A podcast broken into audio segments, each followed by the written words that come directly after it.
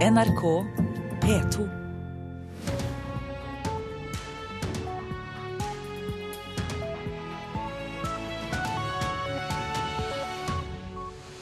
Og her i Nyhetsmorgen tar vi straks kontakt med vår Asia-korrespondent om etterskjelvene i New Zealand, som vi hørte om i Dagsnytt nettopp. Venstre var med på å gjøre 4500 barn av uføre foreldre fattigere, så da kan de ikke vente seg applaus for sin fattigdomspakke nå, mener SV. Tyrkisk forfatter risikerer livstid i fengsel. Myndighetene hevder hun driver terroristpropaganda.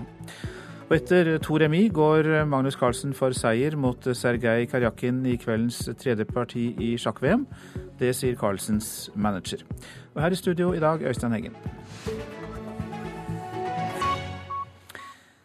I New Zealand er flere byer isolert, altså, etter de kraftige jordskjelvene i går. I morgentimene traff et kraftig etterskjelv og folk er bedt om å komme seg i høyden fordi en demning er brutt og vann eh, fosser ut eh, ved elven Clarence River. Asia-korrespondent Peter Svaar, du følger situasjonen for oss. Eh, det har altså gått nye skjelv. Hvilke følger har det fått? Ja, Det mest dramatiske ved dette siste skjelvet er jo situasjonen rundt Clarence River. Det er ikke en demning som har gått, men det er et jordras som blokkerte denne, dette elveleiet. Og, og, den elven har nå gått over sine bredder, og det har ført til vannmengder som blir omtalt som en vegg av vann, som nå eh, går nedover elveleiet, og innbyggerne rundt er bedt om å komme seg opp i høyden.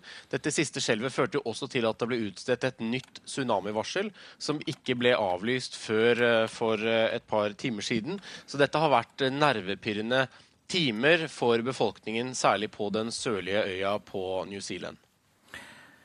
Hvis vi ser på håndteringen av eh, disse skjelvene totalt sett, eh, hvordan har den vært? Tatt i betraktning at dette var det kraftigste jordskjelvet som har eh, rammet New Zealand siden midten av 1800-tallet, så må man kunne si at det har gått relativt bra.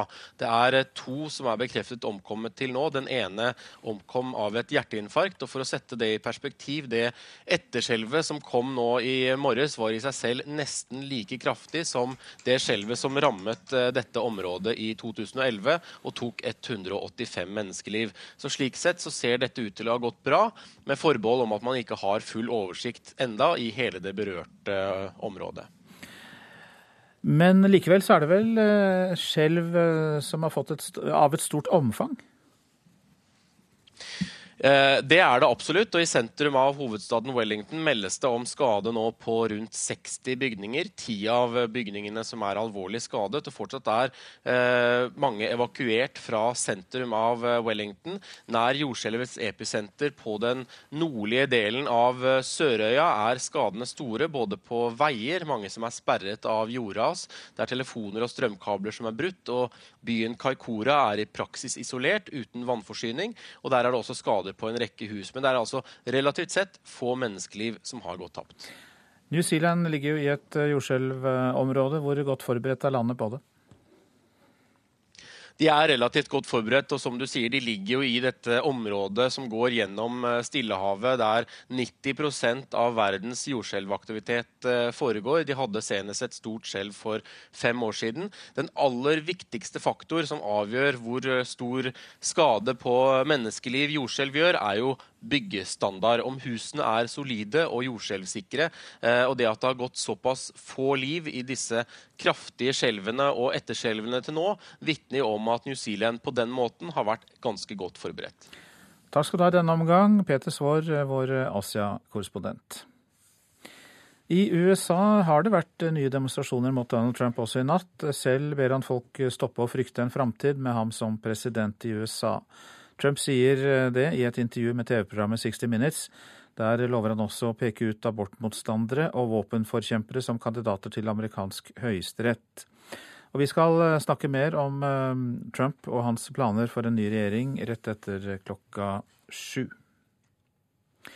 Nå til norsk politikk, for SV beskylder Venstre for å ha vært med på å gjøre 4500 barn av uføre foreldre fattigere, da de sikrer flertall for å kutte i barnetillegget for uføre. Og I sitt alternative statsbudsjett eh, kommer Venstre med en egen fattigdomspakke på over 3 milliarder kroner. Men da sier SV-leder Audun Lysbakken at eh, Venstre ikke bør forvente applaus for den pakken. Så stiller jeg meg veldig spørrende til hvordan Venstre den ene dagen kan si at de er opptatt av å få barnefattigdommen ned, og den neste dagen forsvare et kutt i barnetillegget til uføre, som vi vet har gjort hverdagen vanskeligere for mange familier som allerede sliter. I januar i fjor kom regjeringa med en uførereform som skulle gjøre det mer lønnsomt å jobbe. Baksiden av medaljen ble kutt i barnetillegget til uføre. Ifølge regjeringens egne tall ble over 4500 barn ramma av at deres uføre foreldre fikk vesentlige kutt i barnetilleggene. Altså 4500 barn som lever i familier som har fått mindre å leve av pga. det kuttet i eh, barnetillegget i uføretrygden som Venstre var med på. Venstres svar til Lysbakken er at det skal lønne seg å jobbe, sier stortingsrepresentant Sveinung Rotevatn. Ja, vi skal ha et raust barnetillegg til de som har uføretrygd. Men det skal gå en grense på 95 av inntektsgrunnlaget ditt. Det betyr at du ikke skal kunne få mer i trygd enn det du ville fått hvis du jobba.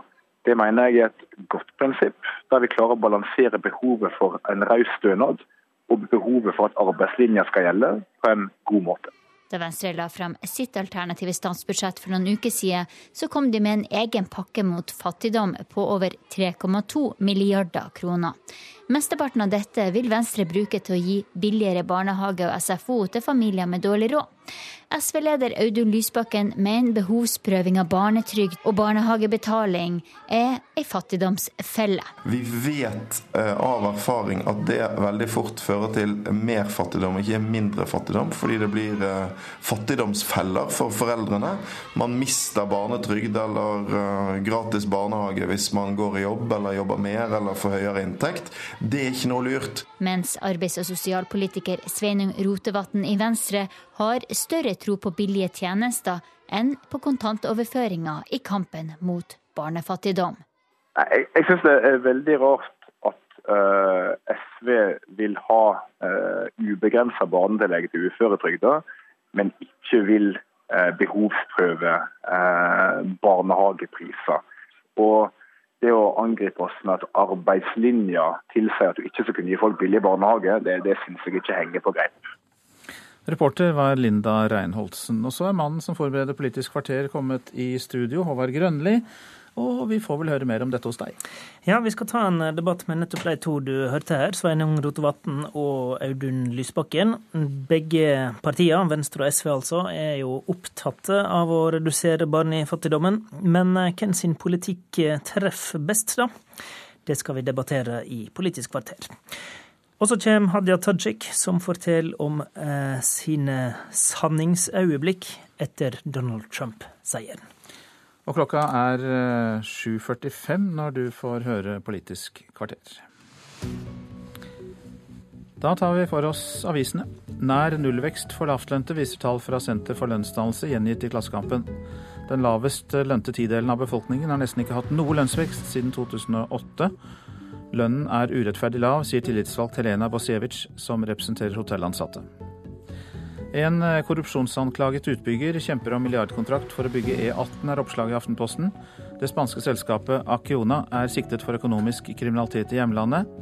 Direktør i Nye Veier, Ingrid Dahl Hovland, sier det ikke er noe rettskraftig dom mot selskapet, og at de følger prinsippene om at alle er uskyldige inntil det motsatte er bevist.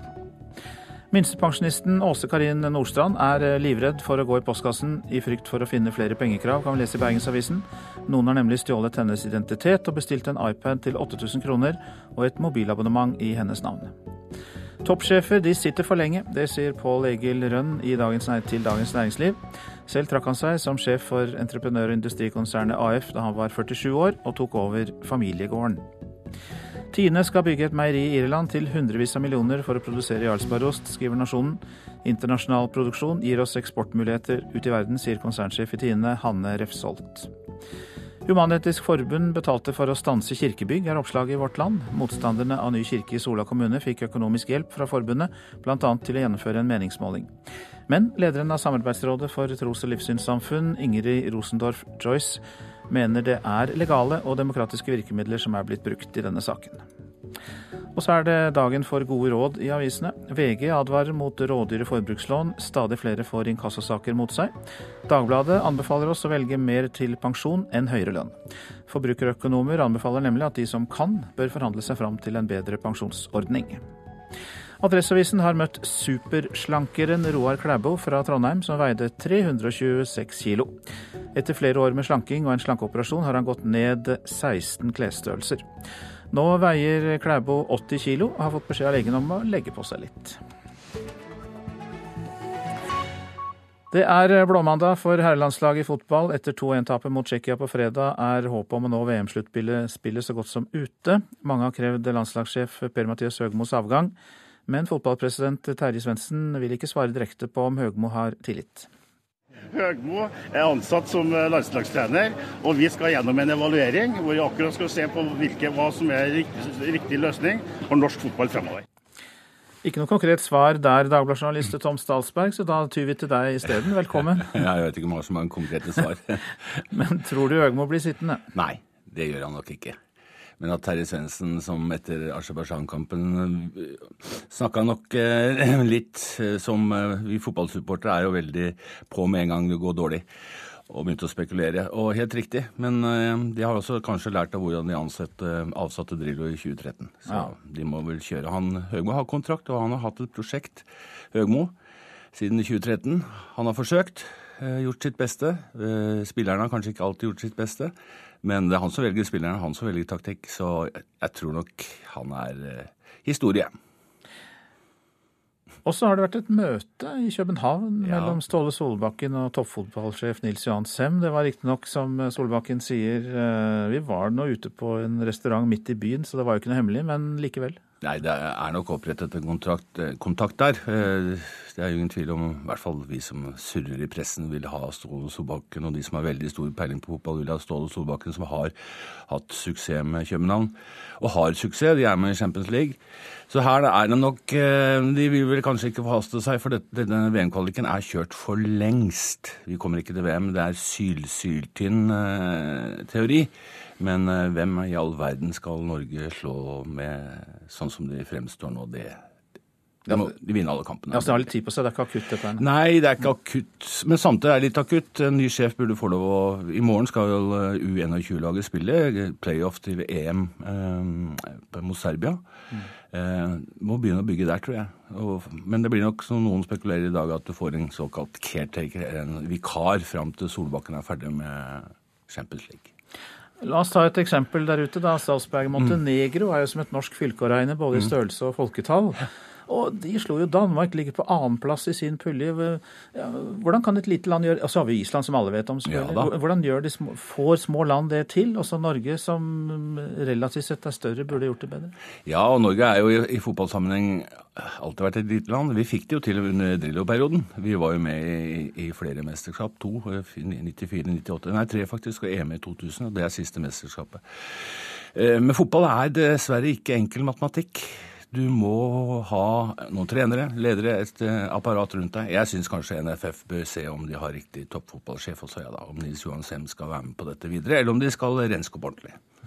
Ja, og så var du innom uh, spillerne sjøl også, helt i første svaret ditt. Mm, ja, ja da, altså, klart Spillerne har et ansvar, de også, men samtidig har man jo lest at det har vært mye vingling, visstnok, med Høgmo. Han såkalt uh, kjører, trener opp en elver, bytter, bytter tar, har tatt ut veldig mange spillere. Sånn sett så er det veldig mange norske fotballspillere som har testa seg på landslaget. Men kanskje ikke det er en styrke heller. Så jeg tror Prosjekt Høgmo var en fin visjon. Han hadde en visjon han ville prøve å gjøre noe med norsk fotball. Han burde nok kanskje ha trukket seg selv, etter, i hvert fall etter Tsjekkia-kampen, ja. og kommet ut av dette her. Så i stedet for at han får dette presset. Men samtidig, fotball er ikke verdens viktigste ting. Men um, nå må det gjøre noe. Skal du få publikum på, på Ullevål, så må du gjøre noe. For folk er lei.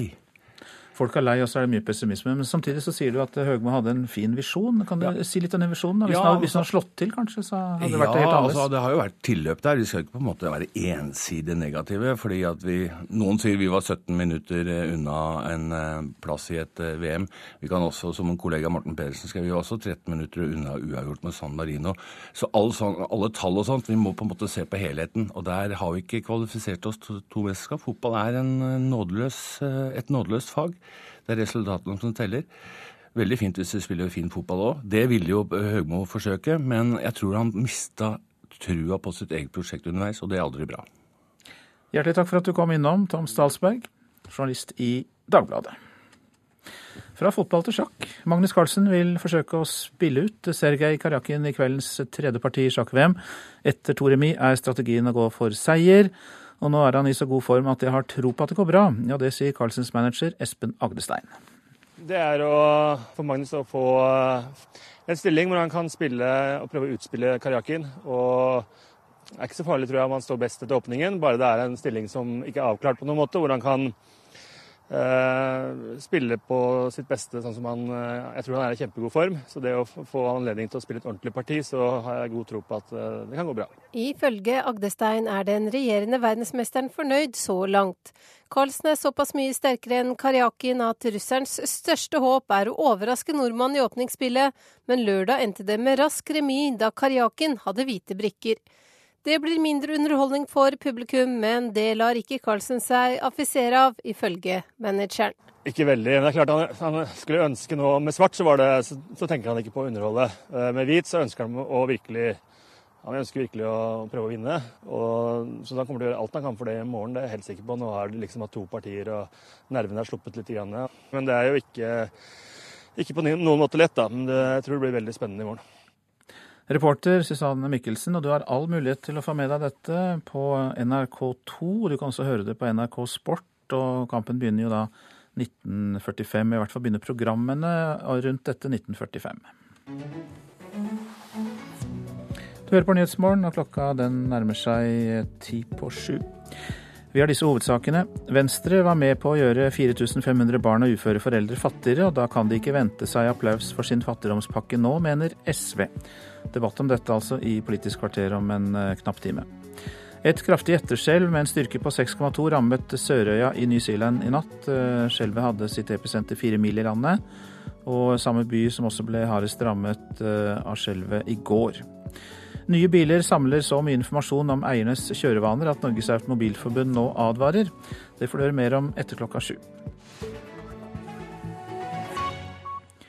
Kommuner over hele landet sliter med å gi flyktningene nok språkopplæring. De finner ikke nok språkpraksisplasser i bedriftene. Ordfører Lindås eh, i Hordaland, Astrid Aarhus Birkenes, har nå en flyktning i språkpraksis hos seg selv. Eh, hva betyr drift? Drift, ja. Det er jo et ord som vi bruker veldig ofte i, i kommunen òg, det. 24 år gamle Tedros Heile og ordfører i Lindås, Astrid Aarhus Børknes, er tilbake på kontoret etter en lang dag med kommunale møter. På bordet ligger ei liste med ord og uttrykk som Tedros har merka seg i løpet av dagen, men som han ikke helt forstår. For to måneder siden så ordføreren det store behovet for språkpraksisplasser i kommunen. Så jeg hadde veldig lyst uh, sjøl å ta initiativet til at ja, jeg kan jo ha en elev. Å skaffe nok språkpraksisplasser til flyktninger er en stor utfordring, ikke bare på Landås, men over hele landet. Generelt sett så er det en utfordring for veldig mange kommuner eh, å ha tilstrekkelig tilgang på både språkpraksis og arbeidspraksisplasser. Det forteller Anders Fyn, som er seksjonsleder i Integrerings- og mangfoldsdirektoratet. Om flyktningene ikke får praksisplass, må de ha opplæring i klasserom for. Opplæringen blir da ikke nødvendigvis så praksisnær og så yrkesretta og arbeidsretta som den kan få bli hvis den er ute på en arbeidsplass. Anders Fyn i IMDi tror mange bedrifter tenker at det å ha språkpraksiselever er for ressurskrevende. Samtidig så mener vi at det gjennom, eh, gjennom god og tett oppfølging også medfører mer vellykkede løp, eh, noe som også er besparende for kommunen på sikt. Og reporter, det var Mai Helen Rolfsnes. I Syria er minst 23 personer drept i nye kamper mellom regime og opprørere i Aleppo. Aleppo har vært eh, utsatt for gjentatte angrep siden hæren startet en storoffensiv i september for å gjenerobre hele byen. Opposisjonen har nå fått en ny frist eh, på å forlate den syriske storbyen, og den fristen er i dag. Den eh, tyrkiske forfatteren Asle Erdogan risikerer livstid i fengsel om aktoratet får det som det vil. Sammen med åtte andre skribenter venter hun på sin skjebne i et fengsel i Istanbul. Samtidig fortsetter fengslingen av journalister i Tyrkia med begrunnelse at de driver terroristpropaganda. Kjære venner, kolleger og medlemmer av pressen. Jeg skriver fra Bakerkøy-fengselet dagen etter at en av våre eldste aviser, Jumhuriyet, de tyrkiske sosialdemokratenes stemme, ble utsatt for en politioperasjon. Mer enn ett dusin av avisens skribenter er arrestert nå, mens fire andre er etterlyst av politiet, blant dem redaktør John Dundar. Til og med jeg er sjokkert. Slik begynner den kjente samtidsforfatteren Asli Erdogan et brev hun skrev fra fangenskap for to uker siden. Nå risikerer hun å bli sittende i fengsel de neste 17 årene. Asli Erdogan ble arrestert i august fordi hun var fast bidragsyter i Øskur Gundem, en avis som dekker kurdiske spørsmål. Myndighetene mener at den prokurdiske avisen driver terroristpropaganda for den kurdiske geriljabevegelsen PKK. Nå er forfatteren, som også er oversatt til norsk, tiltalt for terrorvirksomhet.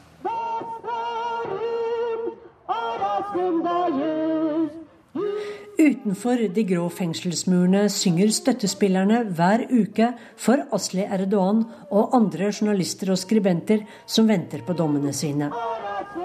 Med ropert stemmer de i, slik at de der inne skal høre dem og fatte håp. Men i helgen fikk de et nedslående budskap.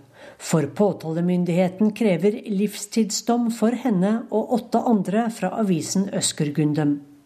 De er mistenkt for å være medlemmer av PKK. Og innen to uker skal domstolen ta stilling til påtalemyndighetens krav. Etter kuppforsøket i sommer har Tyrkia stengt mer enn 130 redaksjoner. Mer enn 100 journalister er arrestert. Senest i helgen ble Jumhuriyets styreleder Akin Atalay arrestert på Atatürk-flyplassen mistenkt for å støtte terrorister, PKK og også predikant Fetullah Gulen og gulenistene. Også en fransk journalist ble arrestert i Tyrkia i helgen da han rapporterte fra den tyrkisk-syriske grensen i Hatay-provinsen. Frankrikes utenriksminister sier dette er sjokkerende og uakseptabelt, og ber Tyrkia utlevere journalisten med en gang. Sissel Wold rapporterte fra Tyrkia, og vi legger til at eh, seint i går kveld ble den franske journalisten utvist fra Tyrkia og er tilbake i Paris. Ifølge det tyrkiske nyhetsbyrået Anadolu hadde han ikke de nødvendige tillatelsene til å jobbe, men det blir også hevdet at han skrev artikler som var til fordel for dem som sto bak kuppforsøket mot president Recep Tayyip Erdogan i juli. Arbeiderpartiet vil at eh, produksjonen av norske TV-serier skal få mer penger. Forslaget skal Stortinget ta stilling til i morgen, og en av dem som er glad for Arbeiderpartiets forslag, er Mammon-skaper Gjermund Stenberg Eriksen. Ja, altfor lite. Hvert eneste år for år så tror vi at det skal komme mer kulturmidler til den kulturfeltet som engasjerer flest folk, men det kommer ikke økte midler. 2000-tallet anses for å være en gullalder for TV-serier. Det siste året alene har det blitt forankret i produksjoner som Stranger Things, Westworld og ikke minst uh, Skam. Å, fy faen, Eva! Men Gjermund Stenberg Eriksen, som er hovedmanusforfatter til NRK-serien Mammon, har blitt skuffet år etter år. Riktignok ikke pga. disse TV-seriene, men han mener det gis for lite pengestøtte til norske TV-serier. Han tror ikke det prioriteres. Hva har skjedd i 94, og hva har skjedd i de øyeblikkene? TV-serier er med på å forme disse kollektive øyeblikkene i livet, som store sportsarrangementer. Og ved det bruker da vitterlig nok penger på de andre tingene. På hvordan vi satser på dette, så er man ikke, er man ikke engang bakpå. Man har ikke kommet i gang. I morgen legger Arbeiderpartiet fram en strategi for å øke satsingen på norske TV-serier for å få opp antallet nyproduksjoner. Men manusforfatter Arne Berggren er ikke enig med Stenberg Eriksen. Jeg mener norsk drama har blitt for dyrt. Vi, vi søler egentlig med penger. Selv er han for tiden opptatt med å lage TV3-serien Elven. En produksjon han mener det var lett for kanalen å kaste seg over, fordi den er billig. Budsjettet er på under 20 millioner kroner, og det uten offentlig støtte. Han tror ikke bransjen kan forvente å få mer penger fra staten.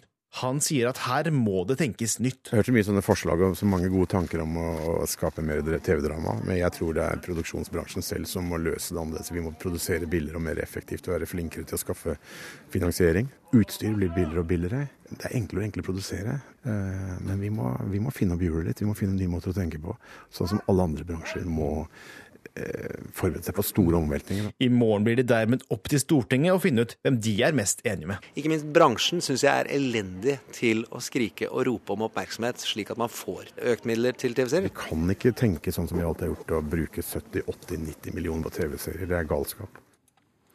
Reportere her Nikolai Voldsdal og Mari Sand Malm. Værvarselet nå, og fjell i Sør-Norge først. Sørvestlig opp til liten kuling utsatte steder. Snø, etter hvert regn under ca. 1000 meter i vestlige fjellstrøk. For utpå ettermiddagen rolig vind, og så blir det oppholdsvær. Østafjells fra formiddagen regn, snø nord på Østlandet. I dalstrøkene nord for Minnesund fare for regn som fryser på bakken. Fra seint på ettermiddagen blir det oppholdsvær, men lokal tåke. Vestlandet sørlig til dels sterk kuling på kysten. Rundt Stad blir det opptil full storm. På ettermiddagen minker det til vestlig bris. Regn og yr på Vestlandet, noe lettere vær til kvelden. Trøndelag sørlig oppe i stiv kuling utsatte steder. Seint på ettermiddagen minkende til sørvestlig bris. Fra formiddagen regn i Trøndelag. I indre strøk blir det snø, etter hvert med overgang til regn. Og det er lokal fare for regn som fryser på bakken også der, altså i indre strøk av Trøndelag. Nordland og Troms sørlig opp i stiv kuling, periodevis liten storm i Lofoten og Vesterålen. Fra formiddagen blir det regn og kommer som snø i høyden. Om kvelden er det minkende vind og nedbør som er ventet i Nordland og Troms. Og Vi går til Finnmark, som får sørvestlig stiv kuling. og Det kommer opp til full storm utsatte steder. Om kvelden gradvis minkende vind. Fra ettermiddagen litt regn på kysten og ellers snø. Og også i Finnmark er det fare for regn som fryser på bakken. Spitsbergen sørlig periodevis liten storm utsatte steder. Som kvelden dreier sørvestlig, og det blir regn med snø i høyden. Temperaturer Svalbard, Svalbard pluss to, Kirkenes minus tre, Varde minus én, Alta minus fire. Så er det plussgrader. Tromsø seks, Bodø og Brønnøysund sju, Trondheim seks, Molde fire. Bergen og Stavanger åtte, Kristiansand fem, Gardermoen én, Lillehammer minus fem, Røros minus elleve og Oslo-Blindern pluss to.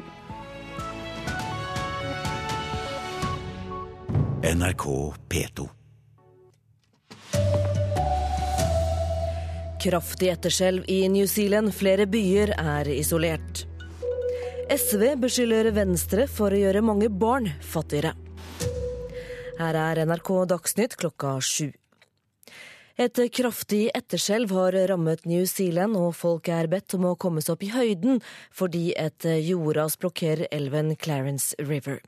Samtidig er flere byer isolert etter jordskjelvene, det sier Asia-korrespondent Peter Svaar. Tatt i betraktning at dette var det kraftigste jordskjelvet som har rammet New Zealand siden midten av 1800-tallet, så må man kunne si at det har gått relativt bra. Det er to som er bekreftet omkommet til nå. Den ene omkom av et hjerteinfarkt. Og I sentrum av hovedstaden Wellington meldes det om skade nå på rundt 60 bygninger. Ti av bygningene som er alvorlig skadet. og Fortsatt er eh, mange evakuert fra sentrum av Wellington, nær jordskjelvets episenter på den nordlige delen av eh, Sørøya er skadene store, både på veier, mange som er sperret av jordras, det er telefoner og strømkabler som er brutt, og byen Kaikora er i praksis isolert, uten vannforsyning, og der er det også skader på en rekke hus. Nye biler samler så mye informasjon om eiernes kjørevaner at Norges Automobilforbund nå advarer. Biler kan bl.a. lagre opplysninger om hvor de har vært, om bråbremsinger og om du har tråkket hardt på gassen. NAF er redd for at slike opplysninger kan bli solgt videre til f.eks. For forsikringsselskaper. SV beskylder Venstre for å ha vært med på å gjøre 4500 barn fattigere. Bakgrunnen er at Venstre var med på å sikre flertall for å kutte i barnetillegget for uføre. I sitt alternative statsbudsjett kom Venstre med en egen fattigdomspakke. Den faller nå på steingrunn. Det sier SV-leder Audun Lysbakken. Så stiller jeg meg veldig spørrende til hvordan Venstre den ene dagen kan si at de er opptatt av å få barnefattigdommen ned, og den neste dagen forsvare et kutt i barnetillegget til uføre, som vi vet har gjort hverdagen vanskeligere for mange familier som allerede sliter. Venstres svar til Lysbakken er at det skal lønne seg å jobbe, sier stortingsrepresentant Sveinung Rotevatn. Det betyr at du ikke skal kunne få mer i trygd enn det du ville fått hvis du jobba. Reporter Linda Reinholsen. I USA ber påtroppende president Donald Trump folk om å ikke være redde for hva som kommer til å skje når han blir president. Det siste døgnet har det vært arrangert flere store protester mot Trump. I et intervju sa han i går at det ikke er noe å frykte og at han skal ta landet tilbake. Han lovet også å sende opptil tre millioner ulovlige innvandrere ut av landet. NRK Dagsnytt, Silje Katrine Bjarkøy. Vi skal snakke med Datatilsynet, for um, vi har jo da hørt at nye biler er nærmest datamaskiner på hjul som samler inn veldig mye informasjon om deg. USAs påtroppende president Donald Trump sier han vil utvise opptil tre millioner ulovlige innvandrere. Vi skal kommentere det siste han har sagt, og også hans siste utnevnelser. Julian Assange skal for første gang avhøres av svenske myndigheter i dag. Og plages du av fulle folk på buss og bane i julebordstida? Det er skremmende, vi blir redde, sier folk vi har snakket med.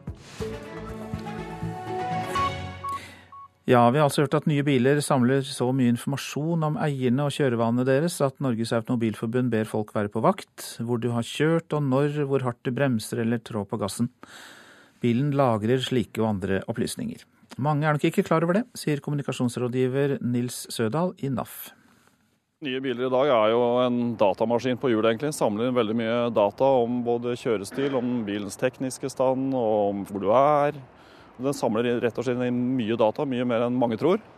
Eh, jeg kan vise deg her. Hos Bertil Losten på Lørenskog utenfor Oslo står en stor Mercedes E-klasse av nyeste modell.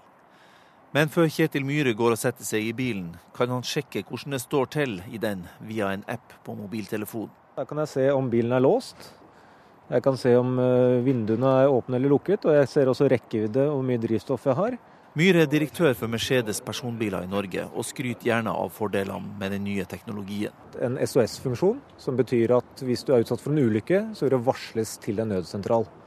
Hvis du vil ha flere tjenester, så må du inn og aktivere den enkelte tjeneste. Vi setter oss inn i bilen og ruller ut på veien. Store deler av dashbordet er et nettbrett. Bilen vet hvor den er, og ofte hvor den skal. Den registrerer òg ting verkstedet kan få vite lenge før du er der. Vi har full status på bilen før den kommer inn. Slipper å ta den jobben der inne. Også på nye biler fra andre produsenter blir mange opplysninger registrert, viser en gjennomgang gjort av NAFs tyske søsterorganisasjon ADAC. Ulike favorittinnstillinger på førersetet kan fortelle hvor mange som bruker bilen. Datamaskinen i bilen registrerer om den kjøres på landeveien eller i bytrafikk, om du bruker lys, og ikke minst hvordan du kjører. Hvis du eh, trør litt hardt på gasspedalen eller bremser hardt, så registreres det òg. Det ligger i bilens data, men det er ikke data som eh, sendes eh, videre. Det er detaljer som blir liggende i bilen, som du aktivt må hente ut eventuelt. Men Hvis du nå ombestemmer, du har sagt ja til det her systemet, men du, du er på en tur som du tenker det her har ikke lyst til at det skal bli registrert. Kan du koble av systemet da? Ja, Du kan eh, velge å slå, altså deaktivere de forskjellige funksjonene som du har aktivert, og du kan aktivere det igjen. I NAF ser kommunikasjonsrådgiver Nils Sødal åpenbare fordeler ved at du raskere kan få hjelp hvis det skjer ei ulykke, og at bilen kan spores hvis den blir stolen. Samtidig frykter NAF at all datalagringa åpner for misbruk. Nei, altså Det med kjøreatferd spesielt. Hvis da dette selges videre til si et forsikringsselskap, så vil du få høyere forsikringspremie hvis du har en litt uh, vel aggressiv kjørestil. Hva med videre salg av den typen informasjon? Per i dag så er, er det kun i forbindelse med eventuelt lovpålagte bestemmelser eh, for å kunne sjekke ut kriminalitet eller rettslige kjennelser, hvor, hvor Daimler vil frigi eh, den type informasjon. Eh, per i dag så er det ikke åpnet for eh, eksempelvis forsikringsselskaper. Det er det ikke. Men kan det bli det i framtida? Det kan jo være mulig. Og hvis det også er i forbrukerens interesse, så er det ikke sikkert det er så dumt. Reporter Kjartan Røslett og fagdirektør for teknologi i Datatilsynet Atle Årnes, velkommen hit. Jo, takk. Ja, Hva syns du om det aller siste vi hørte her, at eh, forsikringsselskapene kanskje får fatt i disse opplysningene?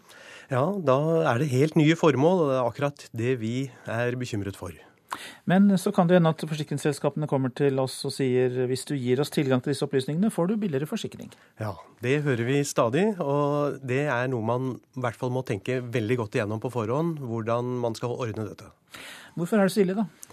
Det er altså, akkurat dette med at det blir helt nye formål. Disse dataene var kanskje i utgangspunktet laget for å håndtere bilen og det tekniske på bilen, og så er det altså forsikringsselskapet som ser interesse i disse dataene, og da blir det helt annerledes. Men slik er det ikke i dag. Det er eventuelt noe som kan komme i framtida, at de kan bruke det, selskapene? Eh, ja, det er det. Og nå er, eh, nå er vi i gang med å lagre veldig mye informasjon om bilene der. Så det er veldig mange som er interessert i disse dataene. Ja. Eh, har dere kontroller med bilbransjen, sånn at dere får vite mer om disse forholdene, og ikke minst ut ifra personvernhensyn? da? Ja, vi har hatt eh, flere tilsyn, både mot veldig mange produsenter og mot verksted. Og hvor vi har eh, sett på uh, denne lagringen som gjøres. Men da har vi sett på disse eh, bilene som, hvor det tømmes for data når de kommer inn til verkstedet. Det som er skjedd i siste tiden nå, det er jo selvfølgelig at de, disse bilene får sin eget SIM-kort og blir som en egen kommuniserer disse dataene selv.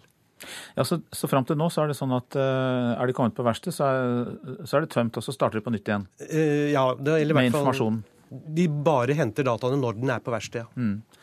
Men, men uh, hva er den siste utviklingen da, som går enda lenger? Den siste utviklingen er at uh, bilene får sitt eget SIM-kort, sånn som vi har i mobilene, og kan kommunisere kontinuerlig. Hvilket råd vil du gi til bileierne da? Altså Det som er viktig at bileierne uh, gjør, det er å lese disse denne informasjonen om hvordan man håndterer personopplysninger. Og hvis man syns dette er veldig vanskelig, så skal man gå til produsenten eller til verkstedet og så be om innsyn i de dataene som er samlet om en. Kan man skru av hele greia? Eh, ikke alltid. Noen bilprodusenter tillater det, noen andre ikke. Men så er det da slik at eh, det også er et spørsmål ikke bare om personvern, men også om sikkerhet. Og Det har ikke vi snakket så mye om. Det kan jo hende at dette bidrar til mer sikkerhet. At man, for det første fordi man vet at man har en kontroll der, men også at man kan gå tilbake og sjekke ut ting som, som kan være en fordel for sikkerhet. Ja, men eh, man må huske på én ting her nå. At uh, dette er noe som vi syns har skjedd litt uh, lite åpent. Man har ikke visst at man, når man lever i bilen på verksted, at ikke bare går informasjonen til verkstedet for å finne ut hvilke, data, nei, hvilke deler som skal byttes og slike ting, men det går også til utlandet, til produsenten selv. Og dette syns vi det har vært uh, ikke så mange bilister er oppmerksomme på, da. Frykter dere også at eh, slike informasjoner skal kunne selges? Ja, det, når de først er der, så er det klart at det, det, personopplysninger har en enorm verdi. De, så det er vi selvfølgelig bekymret for. Takk skal du ha for at du kom til Nyhetsmorgen, Atle Årnes, fagdirektør for teknologi i Datatilsynet.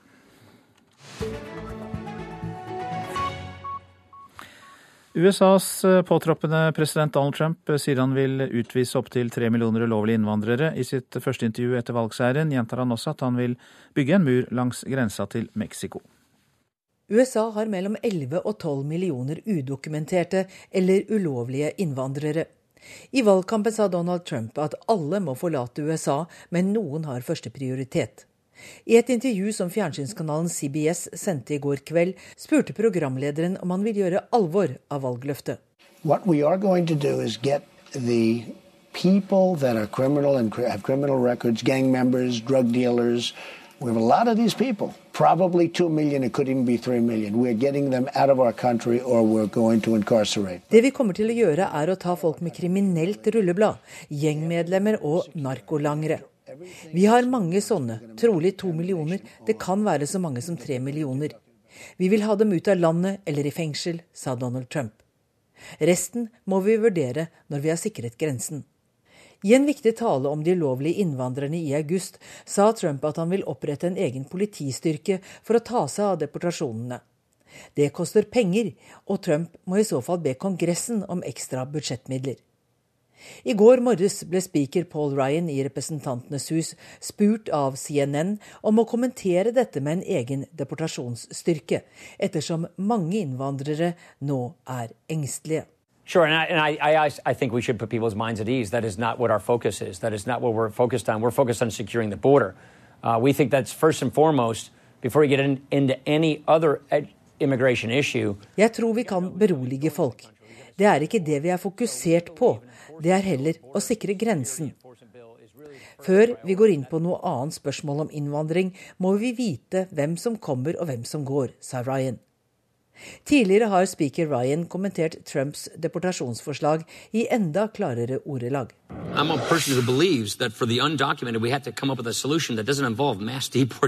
Jeg er en person som tror vi må finne en løsning for de udokumenterte, og det omfatter ikke massedeportasjon, sa Ryan under valgkampen. Han har støtte fra mange moderate republikanere.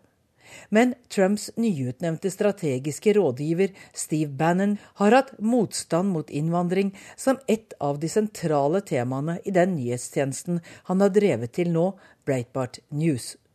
Hans selskap har også etablert seg i Tyskland og Frankrike for å støtte innvandringsmotstandere der. Så spørs det hva Trump selv lander på. Da CBS spurte om han ville gjøre alvor av muren mot Mexico, var svaret et klart ja. Vil du godta et gjerde, fortsatte programlederen. Uh, for certain areas I would, but certain areas the wall is more appropriate. I'm very good at this. It's called construction. But... Noen steder kan jeg det, altså godta et gjerde. Noen steder trengs det en mur. Jeg er veldig god på dette med bygging, la Trump til. Groholm, Washington. Og så til deg, Christian Norheim. Velkommen hit. Takk for det. Du er seniorrådgiver i kommunikasjonsbyrået Gambit nå, men du har vært utenrikspolitisk talsmann i Frp. Du kjenner republikanske partiet godt. La oss ta disse to siste utnevnelsene, som stabssjef og som sjefstrateg. Peker ikke de i ganske forskjellig retning? Jo, det, det, kan man si. Men det er jo det som har vært eh, hele utfordringen med, med, Trump. At uh, man vet egentlig ikke helt hvor han eh, kom til å lande. Så jeg tipper at akkurat nå så pågår det liksom intense diskusjoner om hva, hva gjør vi egentlig nå, nå som vi har vunnet presidentvalget. jeg tror ikke man startet med den planleggingen før for Eh, for, for en, kort tid siden. Det vil si at man, man har kommet litt på etterskudd med, med selve detaljplanleggingen i det. Eh, og Derfor er det da mer avgjørende å, å, besette postene med folk han stoler på, eh, fremfor folk han nødvendigvis er 100% enig eller 100% på samme linje med hverandre. Ja, Vi har jo stabssjefen, da, som er en veldig viktig rolle, Rains Prebus, som er formann for Republikanernes nasjonale komité. Og det utnevnelsen han, han regnes jo som en forsonende gest overfor krefter i partiet som har vært kritiske til, til Trump. Ja, det, og det, vært helt, det er helt naturlig å, å, ta han med videre nå. Det er klart at Hvis uh, Trump hadde tapt valget nå, så ville han antageligvis røket som eh, partileder. Og Partileder er ikke det samme som det vi har i Norge, det er en administrativ rolle. Men han ville da ha sittet under to, uh, altså to tapte presidentvalg hvis Trump hadde tapt. Men nå vant Trump. Uh, og, og partilederen har da gjort sitt for å holde partiet samla, og, og, valgt da det man kaller for unity, når da Trump en gang ble valgt. Eh, ja, så, partiadministratoren går da altså videre inn i Det hvite hus. Men så har vi da utnevnelsen av Bannon, som ble nevnt av Gro Holmer, Stephen Bannon. Det er jo ganske mye mer kontroversielt. Altså, han kommer fra det sterkt konservative Breitbart News. Ja, og det, eh, og, det er jo på en måte den, den, typen folk som har liksom flokka seg litt rundt Trump, og ganske tidlig også ikke nødvendig fordi at de ser på Trump som en som er, eh, ligger langt til høyre, for det, gjør egentlig ikke Trump. Trump ligger nok mye nærmere sentrum enn det enkelte liker å tro. Eh, samtidig så har Breitbart eh, er jo en sånn stemme som ligger ganske godt til høyre, og har også engasjert seg litt i, i europeisk politikk. De har dekket alle disse såkalte høyrepopulistiske strømningene i Europa. De har dekket fransk politikk, de har dekket svensk politikk. De, de dekker på en måte liksom det man kaller for det alternative alternative Høyre, da, hvis man kan, kan kalle det Front Nasjonal, Sverigedemokraterna osv. Som man også kan kalle det ytterliggående Høyre? Det kan man også kalle det ytterliggående Høyre. Så eh, det er jo det som blir det spennende nå. Hvor, hvor ender man til slutt her med disse utnevnelsene? Det kommer jo til å komme flere, og det er jo spekulasjoner allerede nå. Men eh, det er nok også noen navn som vi da kan anta kommer til å være med i den nye administrasjonen. Ja, hvilke da, tror du? Jeg tror at man ikke kommer utenom en person som eh, Chris Christie. Jeg vet at det er noen som er negative til det, eh, men han kom tidlig med eh, for Trump. Han har politisk erfaring. Han har en del kontroversielle saker bak seg som guvernør i, New Jersey, men han har vært, vært, en som er pålitelig for Trump fra starten av. En annen er jo tidligere FN-ambassadør John Bolton, som har lang politisk erfaring, som er en, en person som er det man kaller en hauk utenrikspolitisk, og, og, som også ganske tidlig støtta Trump. Han har, er nå tilknytta det konservative tankesmien American Enterprise Institute, som er det man kan kalle for en tankesmie for de neokonservative. Altså type Dick Cheney osv. Vi runder av der, Kristian Norheim, men et kort spørsmål til slutt. Eh, sa du at Trump kanskje kom til å bli en sentrumsorientert president? Eh, det, Hør, hørte jeg feil? Eller? Ja, jeg tror at han, han, står for mer sentrumspolitikk enn det mange liker å tro. Han er egentlig ikke en ytterliggående politiker, selv om han snakker i veldig store ord og, og vendinger. Det jeg tror derimot, er at de som kan bli mest skuffa over en, en Trump-administrasjon eller en Trump-periode, det er de, de mest dedikerte Trump-tilhengerne. Når han nå en gang er valgt til president, så kan det jo være at han skjønner at han nå kan begynne å oppføre seg som en president også. Mange takk skal du ha, Kristian Norheim. Eh, du er seniorrådgiver i kommunikasjonsbyrået Gambit. Klokka den har passert 7.18. Eh, Vi har disse hovedsakene. Nye biler sanker mye informasjon om deg, hvor du har kjørt, hvor hardt du bremser eller trår på gassen. Vær på vakt, det advarer bilistorganisasjonen NAF, og Datatilsynet også gjorde det her i sendingen vår. Et kraftig etterskjelv med styrke på 6,2 rammet Sørøya i New Zealand i natt. Skjelvet hadde sitt episenter fire mil inn i landet.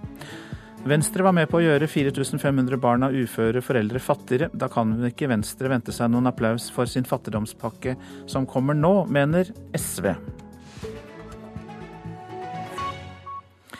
Mer om New Zealand, for eh, flere byer eh, ble rammet av det kraftige etterskjelvene i går. Veier og infrastruktur fikk store skader.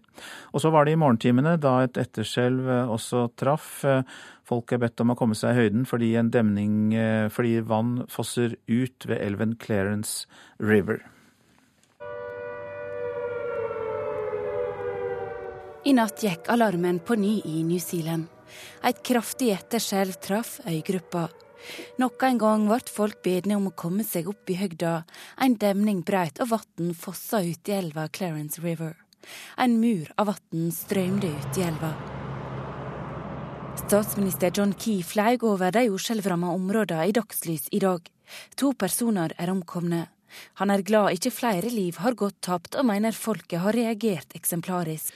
Uh, waves uh, as as. Um, we also know that New Zealanders responded absolutely as they should be in this instance. They didn't go down to the beach.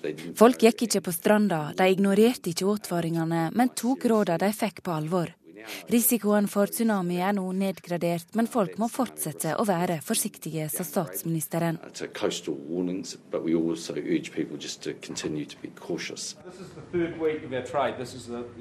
Vinflasker ligger knust på gulvet. Like bortenfor har andre varer rast ut av hyllene i supermarkedet. Det er store skader på veier og infrastruktur. Ei djup kløft går gjennom asfalten midt på en vei. Ras har særlig ramma østkysten på Sørøya etter skjelva. Ferjene mellom Nord- og Sørøya har vært innstilt medan terminalene ble undersøkt for skader. Nå kommer dager med opprydning i New Zealand. Reporter var Ann Irén Finstad. For første gang skal svenske myndigheter nå avhøre Wikileaks-gründeren Julian Assange om de påståtte seksuelle overgrepene for over seks år siden, og det skal skje i dag. Assange har eh, siden juni 2012 søkt tilflukt i den ecuadorianske ambassaden i London. Can everyone hear me? Yes? yes. Raise your hands if you can hear me. Med jevne mellomrom har Wikileaks-grunnleggeren Julian Assange fortalt omverdenen om hvor lenge han har sittet i den ekvadorianske ambassaden nærmeste nabo med luksusvarehuset Harrods i Knightsbridge i London. Men for hver gang er det litt lenger. 19.6.2012, altså for nesten fire og et halvt år siden, fikk Assange asyl i ambassaden, men verken han eller særlig mange andre hadde gjettet på at oppholdet skulle bli så langvarig.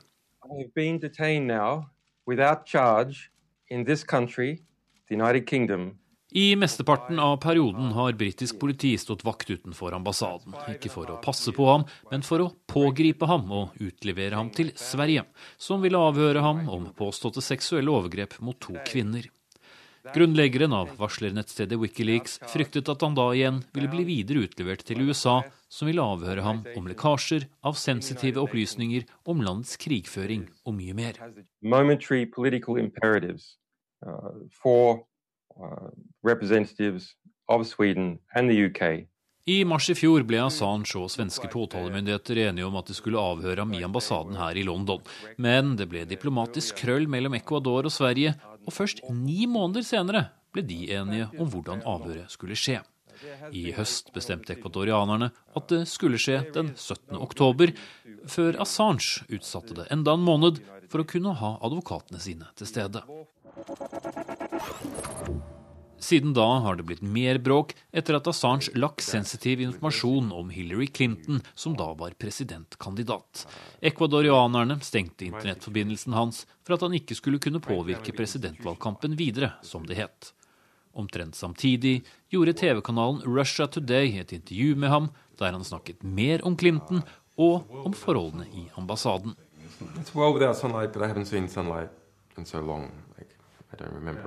Etter dagens avhør med svenske myndigheter så kan det bli satt et slagspunktum i saken eh, hvis svenske myndigheter henlegger den som følge av avhøret.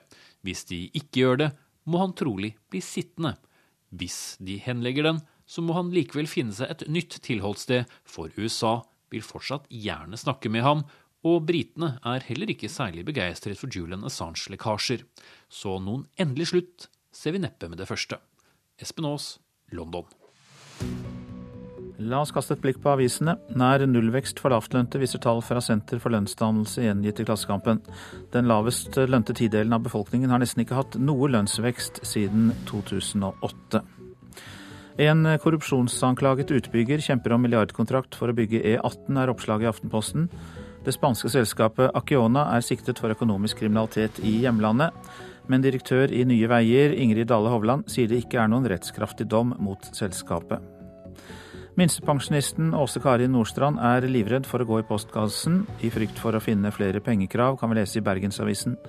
Noen har stjålet hennes identitet og bestilt en iPad til 8000 kroner og et mobilabonnement i hennes navn.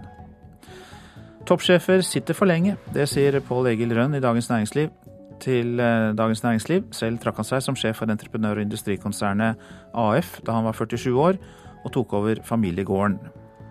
Tine skal bygge meieri i Irland til hundrevis av millioner for å produsere Jarlsbergost, skriver Nasjonen. Internasjonal produksjon gir oss eksportmuligheter ut i verden, sier konsernsjef i Tine, Hanne Refsholt. Dette er også dagen for gode råd i avisene. VG advarer mot rådyre forbrukslån. Stadig flere får inkassokrav mot seg. Dagbladet anbefaler oss å velge mer til pensjon enn høyere lønn. Forbrukerøkonomer anbefaler at de som kan, bør forhandle seg fram til en bedre pensjonsordning. Adresseavisen har møtt superslankeren Roar Klæbo fra Trondheim, som veide 326 kilo. Etter flere år med slanking og en slankeoperasjon har han gått ned 16 klesstørrelser. Nå veier han 80 kilo og har fått beskjed av legen om å legge på seg litt. Mange av oss syns det er ubehagelig å ta bussen når det er fulle folk blant passasjerene. Nå går vi inn i julebordsesongen med mange festglade bussreisende. Og det er eh, skremmende, man blir redd når det blir så støyende, sier to busspassasjerer i Drammen. Når jeg har opplevd at folk har vært utagerende på bussen pga. alkohol, da vil man jo helst ikke at de skal være på bussen. For det har du opplevd? Ja. Hvordan var det? Eh, det er skremmende. Eh, og man blir eh, redd når folk, folk sier jo mye rart i fylla og sånn, og da på en måte Hvis det er spesielt menn da, som er store eldre menn eller yngre gutter, og så er det jo ofte da det blir slåsskamper og sånne ting. Hvis jeg ser noen som er berusa, så blir jeg litt ukomfortabel. Ja, opplever du det stadig vekk? Jeg har gjort det noen ganger, men ikke sånn kjempeofte. NRK traff Rikke Støland og Inger Tove Espeseth på bussholdeplassen i Drammen. Begge har opplevd situasjonen. Det kommer én eller flere fulle folk inn på bussen og begynner å lage bråk. Terje Njåstad er avdelingsleder for Nettbuss i Drammen. Han sier at bussjåførene må se an hver enkelt situasjon, for det er ingen promillegrense for å reise med buss. Men det hender sjåføren må agere. Når det gjelder veldig berusa personer, så er det i utgangspunktet som alle andre passasjerer. Altså Så lenge de, de går på bussen eh, selv og, og betaler for seg, så er det så er det helt greit for, eh, for, oss. Hvis det er et eller annet sjåføren opplever som, som, farlig, så er det politiet som må tilkalles. Eh, og det er da sjåføren selv som ringer eh, politiet, og de er veldig flinke til å komme raskt når, når vi ringer. Skjer det ofte at bussjåføren stopper bussen og ringer politiet? Det skjer ikke ofte, men det, det hender. Det hender. Hva, hva, skjer da? Nei, Politiet kommer, og politiet kommer så raskt de, de kan. Og det, det oppleves som, som, bra respons fra, fra vår side. Og de tar jo da som oftest, eller stort sett alltid, med seg vedkommende, sånn at han ikke da blir, blir værende på bussen. Bussjåføren kan nekte å ta med en passasjer som er full og sjenerende, men terskelen for å gjøre det er høy. Det forteller administrerende direktør Terje Sundfjord i Brakar, som har ansvaret for busstilbudet i Drammensområdet. Sjåføren gjør nok en vurdering eh, i hver enkelt tilfelle. Er det noe som blir farlig for, um, farlig for passasjerene, så er jeg helt trygg på at sjåføren stopper bussen og tar kontakt med politiet. Ja, for Hvor går grensen der? Eh, skal det være eh, nok at det er ubehagelig for andre, eller skal det være truende og farlig situasjon? Sjåførene er godt trente på å vurdere denne situasjonen. Vi opplever heldigvis veldig få klager knytta til denne type hendelser. Så jeg tror sjåførene håndterer dette på en relativt god måte i den daglige trafikken. Busspassasjer Hanne Paulsen har også opplevd berusede personer når hun har reist med buss. Men hun har også et poeng. Den som har fått noen glass for mye, må jo også komme seg hjem på en trygg måte. Ja, de må jo komme seg hjem, bare de liksom klarer å håndtere alkoholen. Da. At de klarer å liksom la andre være i fred da, og ikke gjøre så veldig mye ut av seg og gjøre andre ukomfortable. Reportere her det var Benedicte Fjelli og Maria Kommandantvold. Vi slår fast at det er Marit Silver Nedrelid som er produsent for dagens Nyhetsmorgen. Her i studio, Øystein Heggen. Brexit og Donald Trump. Vi analyserer populismen i vår tid i reportasjen etter Dagsnytt. SV og Venstre skal diskutere barnefattigdom i Politisk kvarter. Det blir Audun Lysbakken mot Sveinung Rotevatn. NRK P2. Nye biler vet alt om deg. NAF advarer mot misbruk av data. Kraftig etterskjelv i New Zealand. Flere byer er isolert. En av lekeplassens store slitere, Huska, fikk heder og ære i helgen. Her er NRK Dagsnytt klokka 7.30. Nye biler samler så mye informasjon om sjåførene at Norges Automobilforbund ber folk være på vakt. Bilene lagrer opplysninger som hvor du har kjørt og når, hvor hardt du bremser eller trår på gassen. Nye biler er rullende datamaskiner proppfulle av informasjon. Det sier kommunikasjonsrådgiver Nils Sødal i NAF. Og Det er veldig viktig å være bevisst som forbruker at de dataene din bil har, de er dine data. Vi er i en ny E-klasse Mercedes, der store deler av dashbordet er et avlangt nettbrett. Sjåføren er Kjetil Myhre, direktør for Mercedes sine personbiler i Norge. Han skryter gjerne av teknologien i en helt ny bil. Hvis du er utsatt for en ulykke, så vil det varsles til en nødsentral. Hvis du vil ha flere tjenester, så må du inn og aktivere den enkelte tjeneste. Har du aktivert systemet Mercedes Me, vet bilen bestandig hvor den er, og sender beskjed om det til Mercedes. Og verkstedet kan få vite mye om bilen din lenge før du kommer dit. Altså, De har full status på bilen før den kommer inn. Slipper å ta den jobben der inne. Også andre nye biler lagrer mye informasjon. Favorittinnstillinger på førersetet f.eks. For forteller om det er flere som bruker bilen om du er hard på gassen eller bremser brått. Det er bare noen eksempler fra NAFs tyske søsterorganisasjon ADAC. Hvem får egentlig denne informasjonen, spør Nils Sødal i NAF. Hvis eh, data fra en bil sendes til et forsikringsselskap f.eks., for og de ser at du kjører litt aggressivt og tar risiko i trafikken, så kan det brukes mot deg. Per i dag er det kun i forbindelse med eventuelt lovpålagte bestemmelser rettslige kjennelser hvor, hvor Daimler vil frigi eh, den type informasjon. Eh, per i dag så er det ikke åpnet for eh, eksempelvis forsikringsselskaper. Det er det ikke. Men kan det bli det i framtida? Det kan jo være mulig. Og hvis det også er i forbrukerens interesse, så er det ikke sikkert det er så dumt. Reporter Kjartan Rørslett. Og det er ikke bra at opplysninger om kjørestil kan gå videre til forsikringsselskapene. Det sier Atle Årnes, fagdirektør for teknologi i Datatilsynet.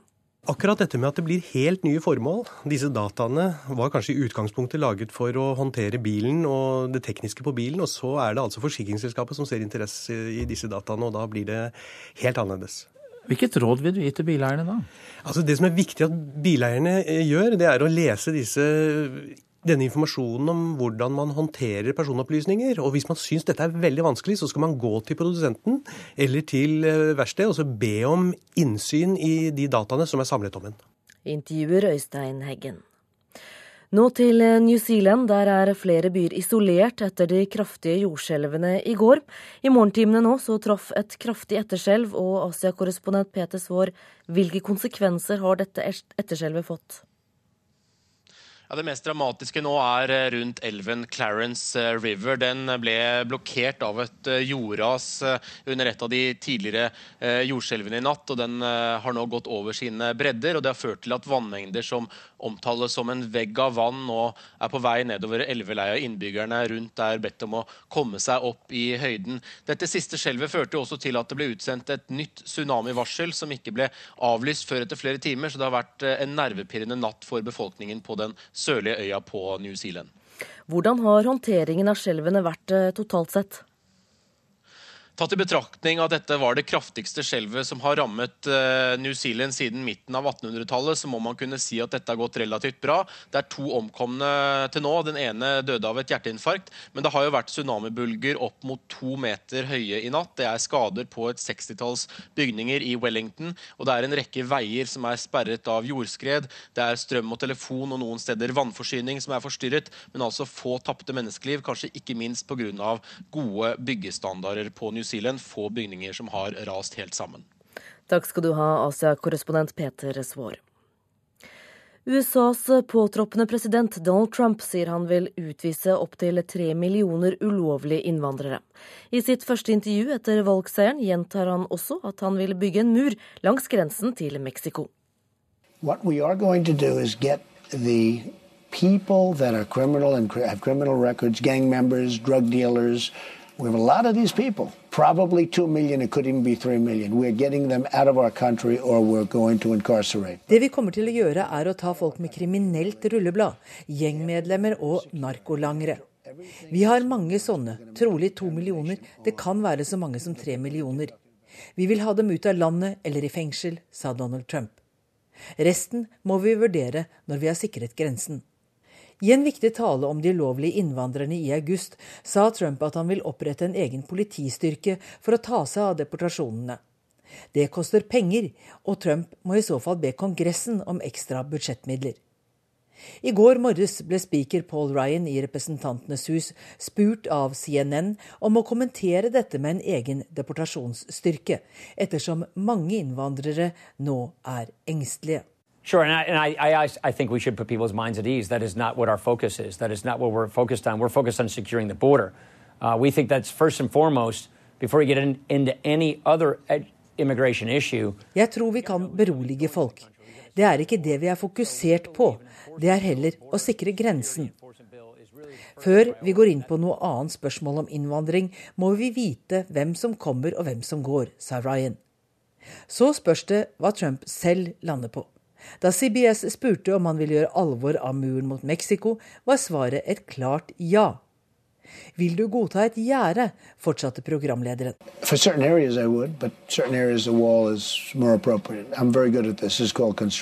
Noen steder kan jeg det, altså godta et gjerde. Noen steder trengs det en mur. Jeg er veldig god på dette med bygging, la Trump til. Groholm, Washington. Hjem igjen nå, for eh, SV beskylder Venstre for å ha vært med på å gjøre 4500 barn fattigere. Bakgrunnen er at Venstre var med på å sikre flertall for å kutte i barnetillegget for uføre. I sitt alternative statsbudsjett kom Venstre med en egen fattigdomspakke på over 3 milliarder kroner. SV-leder Audun Lysbakken synes ikke Venstre bør forvente applaus. Så stiller jeg meg veldig spørrende til hvordan Venstre den ene dagen kan si at de er opptatt av å få barnefattigdommen ned, og den neste dagen forsvare et kutt i barnetillegget til uføre, som vi vet har gjort hverdagen vanskeligere for mange familier som allerede sliter. I januar i fjor kom regjeringa med en uførereform som skulle gjøre det mer lønnsomt å jobbe. Baksiden av medaljen ble kutt i barnetillegget til uføre. Ifølge regjeringens egne tall ble over 4500 barn ramma av at deres uføre foreldre fikk vesentlige kutt i barnetilleggene. Venstres svar til Lysbakken er at det skal lønne seg å jobbe, sier stortingsrepresentant Sveinung Rotevatn. Det betyr at du ikke skal kunne få mer i trygd enn det du ville fått hvis du jobba. Det mener jeg er et godt prinsipp. Reporter Linda Reinholdsen. Og det blir debatt om denne saken i Politisk kvarter i P2 og Alltid nyheter om eh, noen få minutter. Nå skal 120 000 små og mellomstore bedrifter begynne å betale med VIPS istedenfor med papirfaktura. Det skriver Finansavisen. Fra før er det mer enn nå to millioner nordmenn som bruker mobilbetalingstjenester. Visma har som mål at det skal bli slutt på papirfakturaer. I, tusen, I tusener av år har den bokstavelig talt båret mennesker frem og tilbake. Nå blir det endelig gjort stas på en av lekeplassens store slitere. Og mer dytter meg. Ja, dytte deg mer, ja. På Løren i Oslo fryder to år gamle Emma og mamma Veronica seg over det som har gledet barn siden hulemalerienes tid. Det tok sin tid, men nå får Huska endelig som fortjent. Som offisielt medlem av det amerikanske leketøysmuseet The Strong sin nasjonale Hall of Fame for nettopp leker. Hvorfor? Nei, det er uh, gynginga. Det barn liker gynging. Tror du ikke det? og farten. Fra før av er klassikere som Gyngehesten, Rulleskøytene, Kortstokken og ikke minst Pinnen og Pappesken å finne i Lekenes hedershall. Her fins også Star Wars-plastfigurene som kom på 80-tallet. Og andre favoritter som for eksempel I just moved into my newest, biggest dream house ever. Dungeons Dragons. Rubik's Cube, introducing Gameboy. Og på huskestativet i Oslo har mamma Veronica og to år gamle Emma en klar favoritt når man nå skal begynne å tenke på neste års kandidater. Sklier også er jo veldig gøy. Sklier mor Emma? Gå fort. Ja, gå fort. Reporter Gjermund Jappé. Ansvarlig for Dagsnytt Ulf Tannesfjell, jeg heter Silje Katrine Bjørkøy.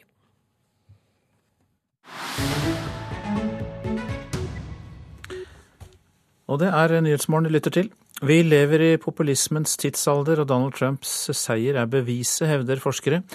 Den tyske idehistorikeren Jan Werner Müller forklarer hva som kjennetegner en populist.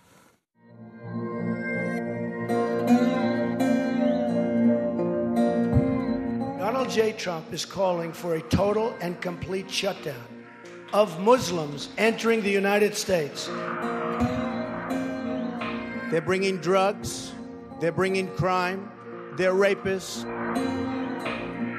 Det var tidlig klart at det var mange som ikke passet inn. Som ikke representerte det ekte Amerika, ifølge Donald Trump. Og skulle man få landet på rett kjøl, måtte korrupte politikere, ja store deler av hele det politiske systemet, kastes på båten. This election will decide whether we are ruled by a corrupt political class. You've been watching what's going on. Hey, folks, the system is rigged. It's rigged, okay? All of us as citizens are supposed to be critical with elites, hold the government, the powerful accountable and so on. Alle skal forholde seg kritiske til makten. Det ligger i demokratiets natur. Men det som skiller en populist fra dette, er oppfatningen av at ham, og bare ham, representerer det ekte folket sier den tyske idehistorikeren Jan Werner Müller ved Princeton-universitetet i USA. The populist usually says I and only I represent what, what populists then tend to call the real people. Now, that might sound relatively harmless, but it has two consequences which are immediately detrimental. Det kan virke ufarlig, men for demokratiet kan det være fatalt, sier Müller. Han høster internasjonal anerkjennelse for sin ferske bok Hva er populisme?, der han advarer mot populistenes retorikk. For ifølge ham handler det om ekskludering, om å konstruere en identitet, der selv personer som har statsborgerskap og et pass, likevel ikke hører hjemme. He said, the important thing is the unification of the people, and all the other people don't matter. That's pure populism. He decides who is really part of the real people. Og det stanser ikke der. For heller ikke institusjonene som demokratiet er tuftet på, holder vann ifølge populisten. Totally Vi lever i populismens tidsalder, ifølge forskere. Og Trump har tatt den helt ut. Well, he's the same as populists in Europe. He is unique, I think. Han er som populister i Europa, men nøyer seg ikke med å sende subtile meldinger. Her får folk sitt pass påskrevet på rasistisk vis, sier Müller. Ingen har noen gang brukt så nedsettende ord om ulike befolkningsgrupper, eller stilt spørsmål ved selve grunnloven og truet med å bryte den, slik Trump gjør, påpeker Müller. Now it's time for America to bind the wounds of division. Have to get together. I sin takketale mante Trump til forsoning. Men er det stikkordet for presidenten vi kan vente oss i januar? Will he basically govern by dividing? So far, that's been his strategy. He has constantly excluded certain people. He has morally attacked certain minorities. Split og hersk har vært hans strategi så langt. Og jeg kjenner ikke til mange 70 år gamle menn som forandrer seg totalt. Spesielt ikke hvis de har hatt suksess, sier Jan Werner Müller. Nothing breeds success like success. I don't see why he would change. Idéhistorikeren Jan Werner Müller til reporter Charlotte Bergløff. Dette er hovedsaker i Nyhetsmorgen. Nye biler sanker mye informasjon om deg, hvor du har kjørt, hvor hardt du bremser eller trår på gassen. Vær på vakt, advarer bilistorganisasjonen NAF og Datatilsynet. Et kraftig etterskjelv med styrke 6,2 rammet Sørøya på New Zealand i natt. Skjelvet hadde sitt episenter fire mil inn i landet. USAs påtroppende president Donald Trump sier han vil eh, utvise opptil tre millioner ulovlige innvandrere. I sitt første intervju etter valgseieren gjentar han at han vil bygge en mur langs grensa til Mexico. Så er det Politisk kvarter ved Håvard Grønli.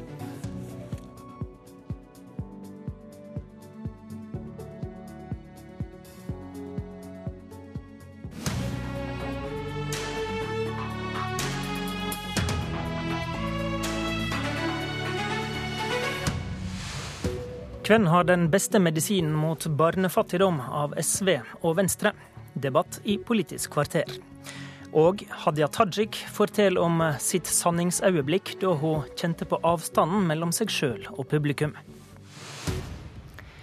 Vi blir ikke ferdig med valget av Donald Trump på en god stund. Det er nemlig det Tajiks historie egentlig handler om. Men vi starter med barna. Både Venstre og SV har en satsing mot barnefattigdom i sine alternative statsbudsjett. Problemskildringa er lik. De peker på de rundt 80 000-90 000 ungene som lever i fattigdom her i landet, og som i stor grad, opplever at de havner utafor, f.eks. fritidsaktiviteter.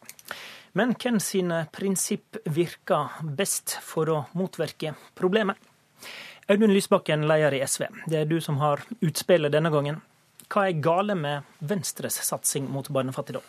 Det er bra med partier som er opptatt av å få barnefattigdommen ned, men når det kommer til stykket, så er det bare én måte vi virkelig kan få det til på kort sikt, og det er å øke inntektene til de familiene som har størst problemer med å få endene til å møtes eh, her i landet. Og Da må vi gjøre det på en måte som gir de stabilitet, trygghet, og ikke gjør overgangen til arbeid vanskeligere. Jeg har to innvendinger mot det eh, Venstre gjør. For det første så går de inn for å inntektsgradere en rekke viktige velferdsordninger. Det skaper fattigdomsfeller. Eh, men dessuten så har de jo vært med på en rekke kutt som rammer fattige og syke i denne perioden. Mens altså de på toppen har fått store skatteletter, de rikeste 0,1 er de store vinnerne, så har Venstre vært med på ulike endringer eh, som rammer de som har minst, og gjør at de i praksis får mindre å leve av. Og det mest graverende, syns jeg, er det kuttet i barnetillegg til uføre, eh, som har rammet ca. 4500 barn, mange i familier som allerede hadde det tøft fra før. Det rammer hardt, og jeg tror det er en farlig myte å tro at det å gjøre fattige mennesker fattigere skal gjøre de friskere eller hjelpe de ut av fattigdom. Det gjør rett og slett fattige barn fattigere. Men Venstre kjempa da virkelig imot da Robert Eriksson i 2014 ville innføre et et eh, redusert tillegg, barnetillegg som ville råka langt hardere? Jo, eh, og det skal de ha honnør for, men samtidig så gikk de jo inn for det som faktisk ble resultatet, og som er konkret virkelighet for mange mennesker nå. Jeg har snakket med en del av de som rammes av dette kuttet. Det er folk som har slitt lenge med å komme i jobb, men som pga. ulike former for sykdom ikke klarer det, og som nå blir straffet gjennom kutt som for mange er altså på tusenvis av kroner i en allerede veldig stram familieøkonomi. Men endringene man... som er gjort, er at en ikke skal kunne tjene mer enn 95% av tidligere inntekt. Vil du ha et trygd og et tillegg som kan overstige arbeidsinntekta, da? Altså, når det gjelder uføre, som også er uh, blitt syke og derfor i utgangspunktet ikke kan jobbe, så mener jeg det viktigste er at vi ikke henviser barn til fattigdom. Men kan inntekter, trygda og tillegget samla overstige tidligere arbeidsinntekt? For de fleste ikke, men i noen tilfeller vil det skje. Og det, det er greit Fordi, for deg? Ja, men uh, hør da. Det blir jo litt rart, ikke sant? Hvis man alltid skal ta inn, uh, utgangspunkt i hva en person hadde i inntekt før vedkommende ble syk. Jeg tror mange av lytterne kan, kan se tilbake fem eller ti år og, og, vite at lønnen deres har økt ganske betydelig siden den gang. Uh, hvis en blir ufør, så er en altså i utgangspunktet da dømt til å uh, sitte med den samme inntekten uh, framover. det er klart at hvis du da har barn, flere barn, Eh, så vil du i noen tilfeller med det som har vært systemet, kunne komme litt over det, uten at det betyr at du har en urimelig inntekt i det hele tatt. Sannheten er at masse familier har uh, trøbbel med å få endene til å møtes. Det var en veldig tøff grense for avkorting Greit. av trygden fra før, så det er de som allerede har minst, som er rammet av det kuttet Venstre har vært med på. Og det i en situasjon der de på toppen får svære skatteletter og blir enda rikere. Sveinung Rotevatn, arbeids- og sosialpolitisk talsmann i Venstre. Hvis du faktisk er ufør, hvorfor um, fremmer det arbeidslinja bedre at du mister penger til barna dine? Eh, ja, For å ta dette med barnetillegget, så er det jo helt eh, riktig at det var en uenighet der mellom Venstre og Kristelig Folkeparti på den ene sida, og det regjeringa ønsket på den andre sida. På samme måte som det her var en stor debatt med store avstander internt i den rød-grønne regjeringa, har SV fortalt oss. Så dette har vært ei krevende ordning å tilnærme seg dersom vi skal kunne ta i vare de to viktige hensynene til arbeidslinja, at det skal lønne seg å jobbe uansett, men også at folk skal ha en anstendig inntekt å leve av for seg og sin familie. Det vi endte opp med å gjøre, var å ikke gå inn for de store kutta som regjeringa faktisk foreslo. Du skal fortsatt ha en ordning der du har en skjønnsmessig utbetaling ut fra hvor mye du faktisk trenger til ungene dine. Men du sier at du skal ikke kunne få mer samla sett enn det du ville fått dersom du gikk ut i jobb. Det er den løsninga vi også har for andre trygdeordninger, f.eks. dersom du er arbeidsledig. Jeg har ikke sett at SV foreslår noen endringer i det. og Sånn sett så er dette en løsning vi står eh, godt i. Men, Men løyvingene til barna er redusert, som SV viser på, eh, i det kompromisset dere har gått med, eh, med på sammen med regjeringa. Hvorfor er det bedre for barna? For noen så er den redusert noe, men så må du ha med deg hele bildet. Eksempelvis at bare i år så får 25 000 eh, lavinntektsfamilier billigere barnehage. Fordi vi har valgt å bruke mye penger på å få billigere tjenester til de som har lavest inntekt. Det mener vi er veldig viktig og det mener vi er målretta. Det betyr at du, dersom du har en tre, fire eller femåring i barnehagen, eh, så får du lavere eh, regning i posten hver eneste måned eh, dersom du har lav inntekt. Og Vi ønsker å gjøre det samme med SFO. Det er en av tingene som vi i Venstre nå jobber for i budsjettet i høst. Okay, det, La oss ta det med Lysbakken. Venstre legger opp til å heller gi tjenester. Hva tenker du om det resonnementet? Altså, for det første så tror jeg det er eh, mange mennesker som har lite, som ikke kjenner seg igjen i bildet av at det satses på de, for dette er jo bare ett av mange kutt som rammer fattige men, og syke. Men nå lurer jeg på hva du syns om prinsippet om det handler om bostøtte, det handler om økte egenandeler for kronikere osv. Jeg er for billigere tjenester, men jeg kan ikke skjønne hvorfor det skal finansieres ved å ta inntekt fra folk som har lite. Eh, jeg er for arbeidslinjen, jeg, men jeg syns det blir absurd å ha en arbeidslinje som blir så rigid at den skal ramme folk som er syke ikke. Jeg snakket med en av de som, okay, men, som men du, Nå prøvde jeg å spørre om tjenester. sant? Dere sier i det dere legger fram i alternativt budsjett, at dere vil gi tilskudd til gratis halvdagsplasser i SFO i områder med mange minoritetsspråklige barn, f.eks. Men, da, men da, går, da treffer dette alle som bor i det området. Hvorfor er det smartere enn Rotevatn sitt prinsipp, da, som vil gi det til de fattigste? Smartere av flere grunner. Universelle ordninger er mindre byråkratiske. Eh, Venstre sitt eh, løft i barnetrygden får f.eks. kritikk fra departementet for ja, å være veldig byråkratisk. Men nå snakker vi om tjenestene, Lysbakken. Jo, men det er jo derfor jeg prøver å forklare hvorfor okay, det er lurt å kombinere disse tingene og ikke gjøre tjenestene inntektsgradert. Du spurte meg hvorfor vi var for universelle ordninger. Uh, og Det er en av grunnene. Det er, mer, det er mindre byråkratisk. Det er uh, dessuten sånn at det ikke skaper fattigdomsfeller. Altså Både det Venstre har vært med på når det gjelder barnehager, det de nå ønsker på SFO og det de ønsker på barnetrygd, vil jo gjøre det mindre lønnsomt å gå over i jobb. og Det er derfor jeg synes det er litt rart at man skal altså ha en mer rigid arbeidslinje for folk som er syke, som ikke kan jobbe. Mm. Og så samtidig så vil en lage ordninger der altså en en eh, alenemor med lav inntekt vil få dyrere barnehageplass eller mindre barnetrygd hvis hun går ut i jobb. Og det på topp av en situasjon der det for de rikeste i det norske samfunnet ikke er arbeidslinjen som gjelder, men arvelinjen, der det blir stadig mer lønnsomt å ta imot arv eller ha store formuer som du ikke trenger å jobbe for. Dere har en rekke sånne graderte ordninger, enten det nå gjelder barnetrygd eller andre ting. Altså, jo... Kan det skape ei fattigdomsfelle, spør Lysbakken. Ja, nå satt jo nettopp Lysbakken og argumenterte for at dersom du er på uføretrygd av barnetillegg og går ut i jobb, da skal du kunne gå ganske langt ned i inntekt, og det er helt fint. Og mener at det skal fungere godt. Jeg tenker at Da må kanskje SV bestemme seg for hva ideologisk linje det egentlig ønsker å være på. Men det som er hovedproblemet med SVs tilnærming til det her, altså jeg og SV vi deler jo intensjonen om at vi ønsker at de som er langt nede, som har lav inntekt, skal bli løfta opp. Vi er enige om det.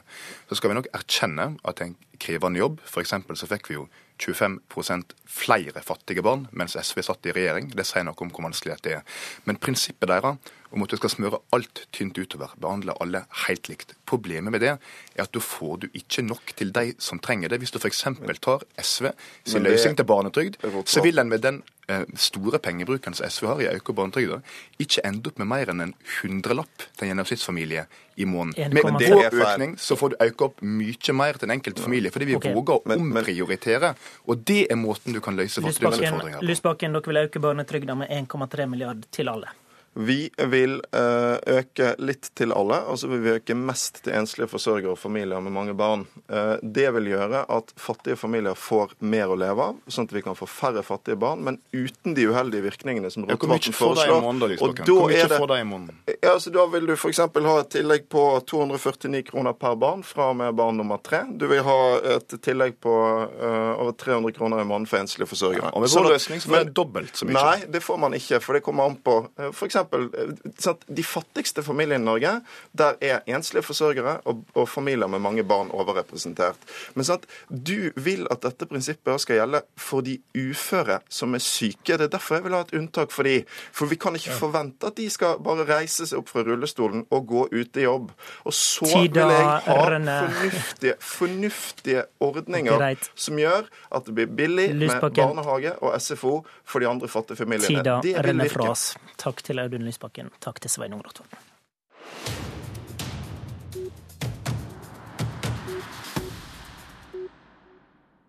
Både vi i media og politikerne er inne i en slags etterpåklokskapsføljetong etter USA-valget. Alle spør seg hva som skjedde, og hva en ikke så. Og under lurer spørsmålet kunne en Donald Trump vunnet fram i Norge? Velkommen hit, Hadia Tajik, nestleder i Arbeiderpartiet. Takk. Du skrev en mye lest og delt tekst i Aftenposten i går om ei oppleving du nylig hadde. Kan du først skildre dette sanningsøyeblikket du hadde? Jeg holdt et foredrag eh, seint på ettermiddagen etter en eh, lang dag med mange politiske møter. Eh, og jeg opplevde det som jeg tror mange kan oppleve iblant, at jeg klarte ikke helt å koble meg til publikum. Og sånn kan det jo være noen ganger, man trenger ikke lese så mye inn i det. Men akkurat denne dagen så var det jo kort tid etter at Trump hadde vunnet valget i USA. og jeg gjorde meg òg den erkjennelsen at jeg tror at noe av grunnen til at det ikke funka akkurat denne kvelden, var at jeg snakka ikke om det folk var opptatt av. Jeg snakka ikke om livene deres, om håpene deres, om frykten eller uroen de kjenner på. Det var en avstand eh, mellom oss eh, knytta til hvilket budskap det var jeg hadde. Den, avstand, ja, den avstanden, da, er det en oppleving du først ser nå, eller har du hatt den før? Jeg tror nok jeg har hatt den flere ganger, men det er klart man gjør seg andre typer erkjennelser når, eh, når eh, bakteppet er sånn som det er. Altså Man har eh, populistiske bevegelser som vinner fram i Europa og blir folkevalgte, sentrale folkevalgte og premissleverandører. Trump, som man jo på mange måter kan si at har ført en ganske populistisk valgkamp, vinner fram i USA. Jeg mener at det er naturlig at vi ikke bare snakker om hva er det de gjør, hva er det, hva er det med velgerne deres, men at vi òg snakker om hva er det vi som er politikere gjør, som er med på å fremmedgjøre folk. Og da er du egentlig ved det spørsmålet som ligger under. Kunne en Trump ha vunnet fram i Norge? Jeg tror nok at eh, fenomenet Trump er såpass ekstremt, òg eh, når man ser på mange av de utsagnene han kom med i løpet av sin egen valgkamp, at det er vanskelig å se for seg eh, noe sånt i, i Norge. Men jeg tror nok at selv om vi i Norge stiller ganske sterkt, vi har, vi har sterke institusjoner, vi har trepartssamarbeid, vi har høy tillit mellom folk og små sosiale og økonomiske forskjeller, så er jo Norge òg et land i verden. Klart vi påvirkes av de populistiske bevegelsene som finnes i de aller fleste andre andre europeiske land. Hvordan skal du og dine politiske kollegaer og motstandere da for så vidt klare å snakke til folk eh, sånn at dagens politiske parti ikke blir utkonkurrert av en eller annen populistisk kraft? Altså For det første så tror jeg at vi må skjønne hva disse avstandene består av. Vi er mm. vant til å snakke om sosiale og økonomiske forskjeller. Det var en debatt eh, her nettopp eh, som handler om akkurat det. Men vi er kanskje ikke like så, eh, eller like vant til å snakke om de avstandene som òg finnes mellom folk knytta til kulturelle forskjeller eller verdimessige avstander. Hva er det da, for eksempel? Og, og det er det som er den fremmedgjøringen jeg her snakker om. La meg gi deg et eksempel fra London. Jeg var der i forkant av brexit, snakket med mange både sosialdemokrater og sentrale kommentatorer der. Og det de kunne fortelle, var at mange av de som hadde vokst opp i den byen der, ikke lenger kunne bo der. Boligprisene gjorde at de måtte flytte ut og bo i forstedene i stedet. Så snur de seg og ser på den byen som de vokste opp i, og ser en by som ikke bare er dyrere, men som òg ser annerledes ut. Og da handler det ikke bare om at det har kommet mange flere med andre innvandrerbakgrunner til den byen der, men at folk som bor der, drikker fizzy unnskyld, fizzy water, mens de sjøl drikker svart kaffe. Det er en sosial, en økonomisk avstand, men det er òg en kulturell og verdimessig avstand. En opplevelse av fremmedgjøring, en opplevelse av å miste noe som en gang var deres. Ser du det samme i Norge, da? Jeg tror vi kan, selv om igjen ek eksemplene er mer ekstreme i andre land, fordi de, eh, forskjellene er mindre i Norge, men jeg tror nok òg at i vårt land så kan man oppleve avstand til makt. Det tror jeg man merker i diskusjonene knytta til by og land, debatter knytta til sentralisering, småsteder verksteder som mister hjørnesteinsbedriftene sine uten at de ser eh, hva de skal erstatte de med. Eh, og når man da opplever samtidig at man har politikere som ikke ser den uroen eller den avstanden, eller ikke har gode svar på hva de skal leve av i framtida, så er det med på å skape den fremmedgjøringen. Vi får høre om norske politikere begynner å snakke annerledes. Takk til deg, Hadia Tajik. Studio, Håvard Grønli. Hør flere podkaster på nrk.no podkast.